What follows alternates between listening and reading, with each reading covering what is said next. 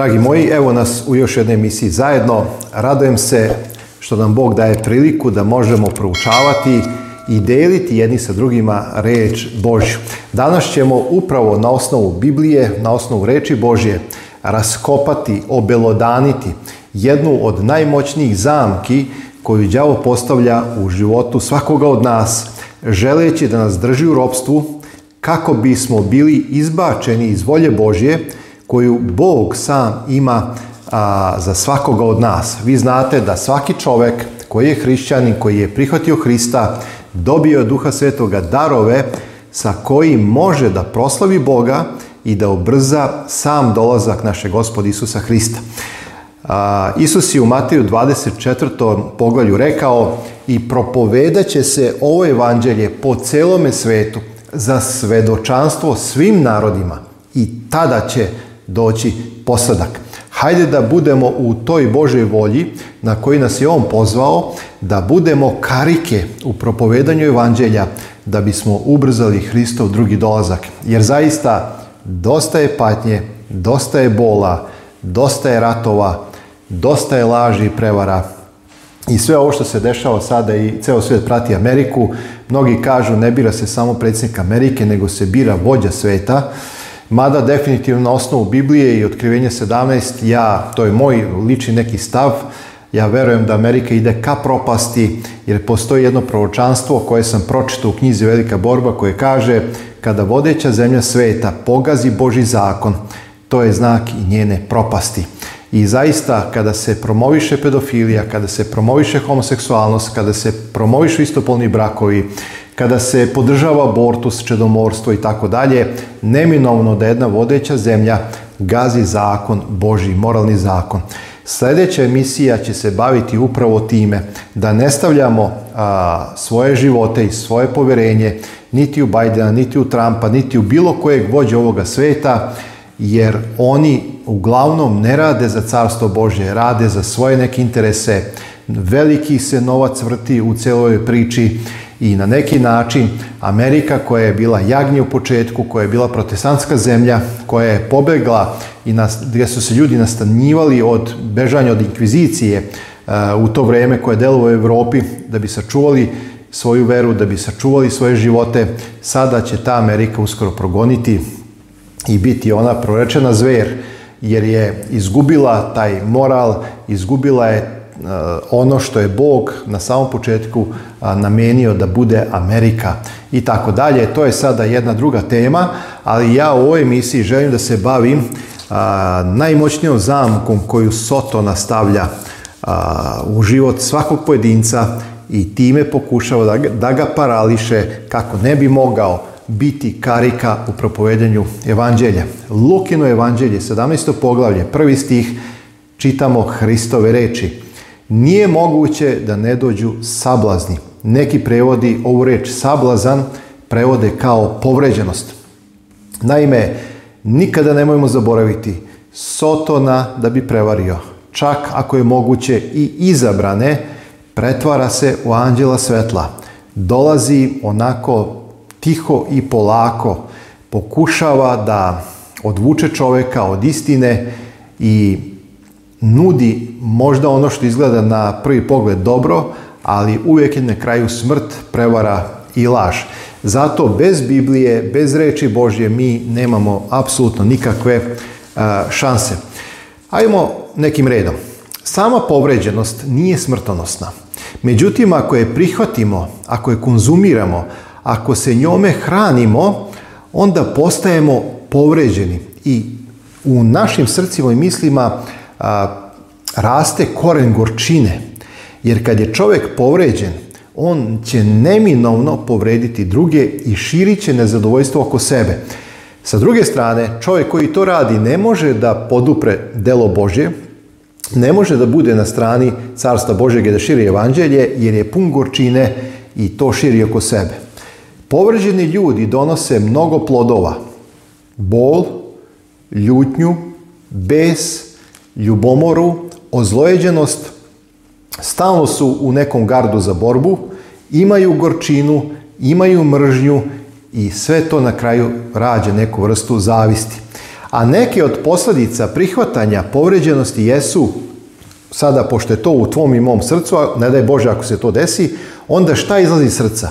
Izlaze uvrede, izlaze napadi, izlaze ranjavanja, podele, odvajanja, uništeni međutski odnosi, izdaje i otpadništvo.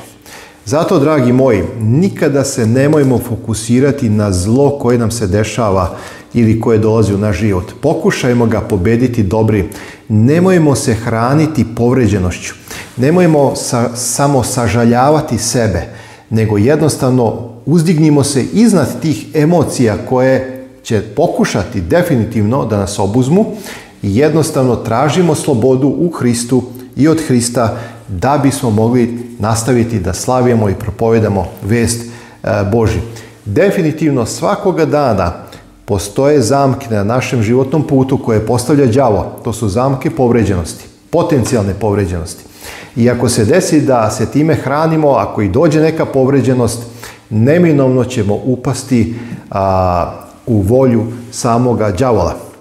Naime, Grčka reč za povređen koja se nalazi u Lukinom evanđelju 17. glavi 1. stihu dolazi od reči skandalion, što znači prouzrokovati spoticanje da bi neko pao, povrediti, a, zarobiti i tako dalje i tako dalje.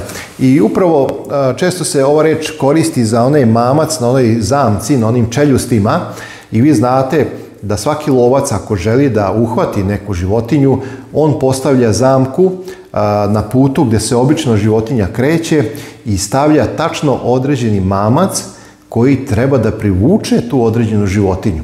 I sve je ovo sadržano u koren ove grčke reči koje znači skandalion, zamka, povređenost. Naime, zapazite šta je savjetovao apostol Pavle mladog Timotija u drugoj Timotiji, u drugoj glavi od 24. do 26. stiha. I sada zapazite, pošto apostol Pavle sam je doživljavao povređenosti, ali je Duhom Svetim sve to pobeđivao, nadvladavao i išao je naprijed kao mašina je mleo, mleo, mleo, bez obzira što je bio izda, izdavan, bez obzira što je bio povređen, bez obzira što je bio često u nevoljama, što su ga progonile rimske vlasti, pa i čak i njegov narod bio u tamnicama, bio je u velikom strahu od rodbine i tako dalje, apostopale nije dozvoljavao da ga te emocije zarobe, nego je šibao napred, osanjući se na Hrista, a Duh Sveti ga je stalno oslobađao. I sada on savjetuje mlađeg saradnika, jer zna šta ga sve čeka u njegovoj službi. I on kaže, 2. Timotiju 2, 24 do 26, a sluga gospodi ne treba da se svađa, nego da bude krotak, ka svima poučljiv i sada zapazite ovo, koji nepravdu može podnositi. Zašto? Ja samo parafraziram da bi ostao u volji Božjoj, da bi bio upotrebljiv i da bi Bog mogao da ga vodi.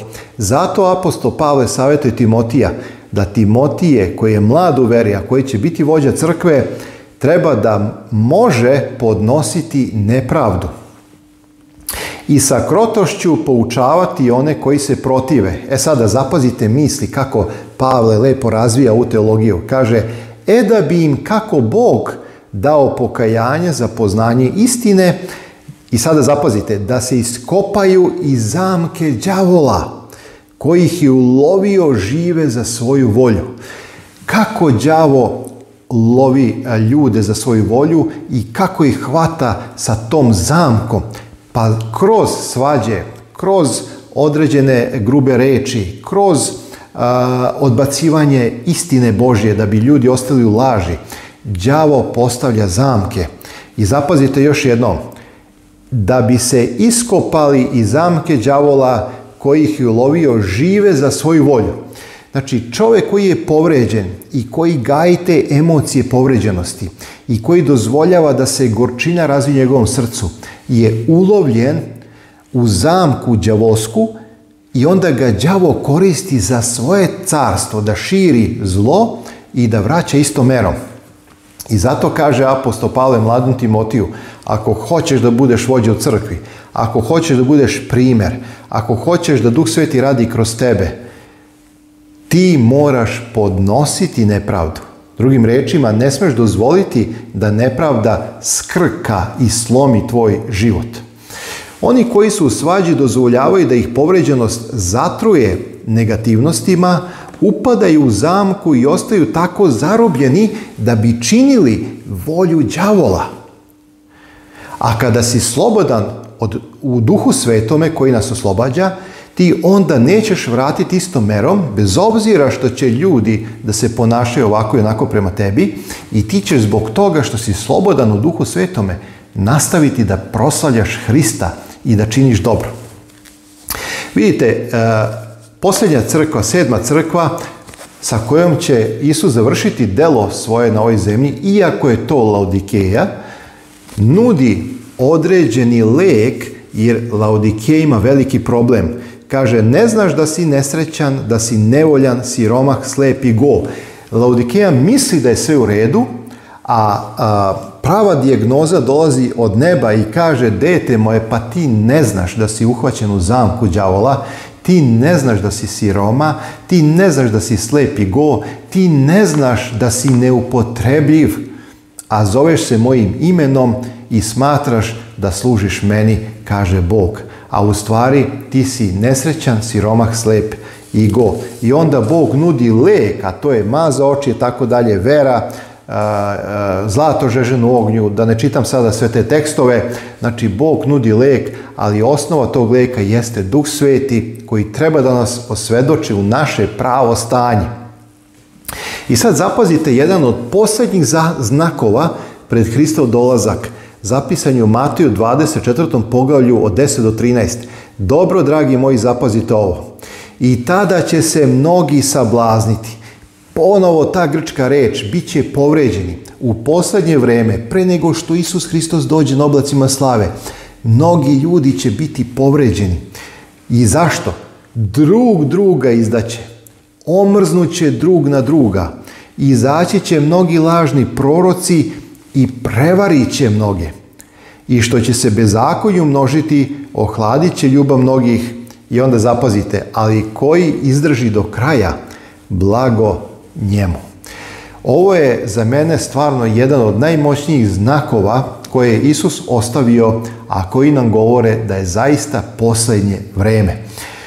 Ništa gore nema i nema teže povređenosti, dragi moji, nego kada te drug izda kada te najbolji prijatelj, kada te neko ko je blizak tebi izda i kada te proda. I onda kaže što će se umnožiti bezakonje, ohladit će ljubav. O kojoj kategoriji ovdje Isus govori ljudi, na koje ljude misli? Ako odete u original, vidjet ćete da se u ovome tekstu koristi grčka reč za ljubav, a u pitanju je agape ljubav. To nije obična fileo ljubav koja kaže, e pa ja čaškam tebe zato što ti čaškaš mene. Ako ti nećeš mene, neću ni ja tebe. Vidite, to je ono ljudsko, uh, uslovno. Dok god si ti dobar prema meni, ja sam prema tebi. Kad ti nećeš da budeš dobar prema meni, neću ni ja prema tebi. To je fileo, bratska, ljudska ljubav. Međutim, ovdje Isus govori da će nestati agape ljubavi. A apostol Pavle kaže da se ta agape ljubav izliva u naša srca duhom svetim. Agape ljubav je ljubav nebeskog porekla. I Bog kaže, Isus kaže, u posljednje vrijeme nestaće te božanske agape ljubavi. I zato će mnogi ljudi biti u robstvu i bit će povređeni i bit će u sotonskim zamkama jer neće imati agape ljubav koja prevazilazi povređenost, koja nadmašuje tu zamku koju đavo stavlja u srce svakog čoveka. Sa druge strane, agape e, ljubav je vrsta ljubavi koju je Bog dao u naša srca. To je bezuslovna ljubav. Agape ljubav kaže, ja ću tebe da češkam iako ti mene nećeš. Moja ljubav ne zavisi od tvoje ljubavi. Ona nije uslovljena, ona je bezuslovna. To je božanska ljubav koja ljubi i koja voli čak ako doživljavaš neprijateljstvo. Dragi moj, ali ova ljubav, ovu ljubav je moguće imati samo ako ti da duh sveti i samo ako si novo rođen. A, zamislite da sam ja u srce svoje stavio sve psovke na ovom kanalu koje sam dobio kroz određene poruke koje samo ja vidim a, i koje odlučujem da li ću da pustim ili neću kroz sve uvrede koje sam dobio, kroz sve pretnje koje sam dobio, a zašto? Zato što propovedam vest Isusa Hrista. Đavolu se to ne sviđa. I onda dolaze nacionalisti, dolaze ovi oni koji su zatrovani nacionalizmom i određenim stvarima i to filtriraju kroz određeno hrišćanstvo i automatski kada ne veruješ kako oni veruju ili ako se ne držiš određenih tradicionalnih stvari koje oni drže, oni tebe smatraju neprijateljima. Ali, dragi moji, Isus nije nacionalista. Nema više ni jevrejna, ni grka, nema ni slobani robodnjaka, nema ni muškoga, ni ženskog roda, Bog je Bog sviju, i crnaca, i belaca, i kineza, i ovih, i onih. Znači, Bog je, svi mi imamo istu krv, ali ljudi su napravili podele, ljudi se dele ovako, onako i tako dalje. Ljudi stvaraju ratove i mržnje. Bog sve to ruši i kaže svi ste vi deca Božja koji ste prihvatili Isusa Hrista. Ali evo, zašto ovo pričam?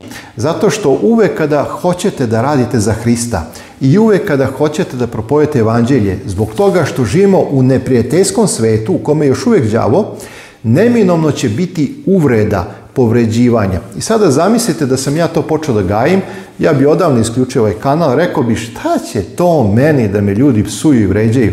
Pa bolje da idem na pecanje ili da ne znam, vozim bicikli po planini ili da idem u šetnju. Zamislite da sam ja sve ovo vrijeme proveo sa svojom ženom, u šetnji, u razgovorima, sa svojim detetom i tako dalje. Koliko samo treba vremena da se sve ovo radi i tako. Ali ovo radim zato što me duh Boži ispunjava i zato što me duh sveti leči i zato što ne može ni jedna povreda, ni psovka, ni ureda, bilo šta na ovome svetu da me spreči jer verujem, dragi moji, da me Bog ispunjava gape ljubavlju. Zbog vas, koji ste iskreni, koji uživate u reči Bože, koji delite moje mišljenje i koji podržavate ono što radim.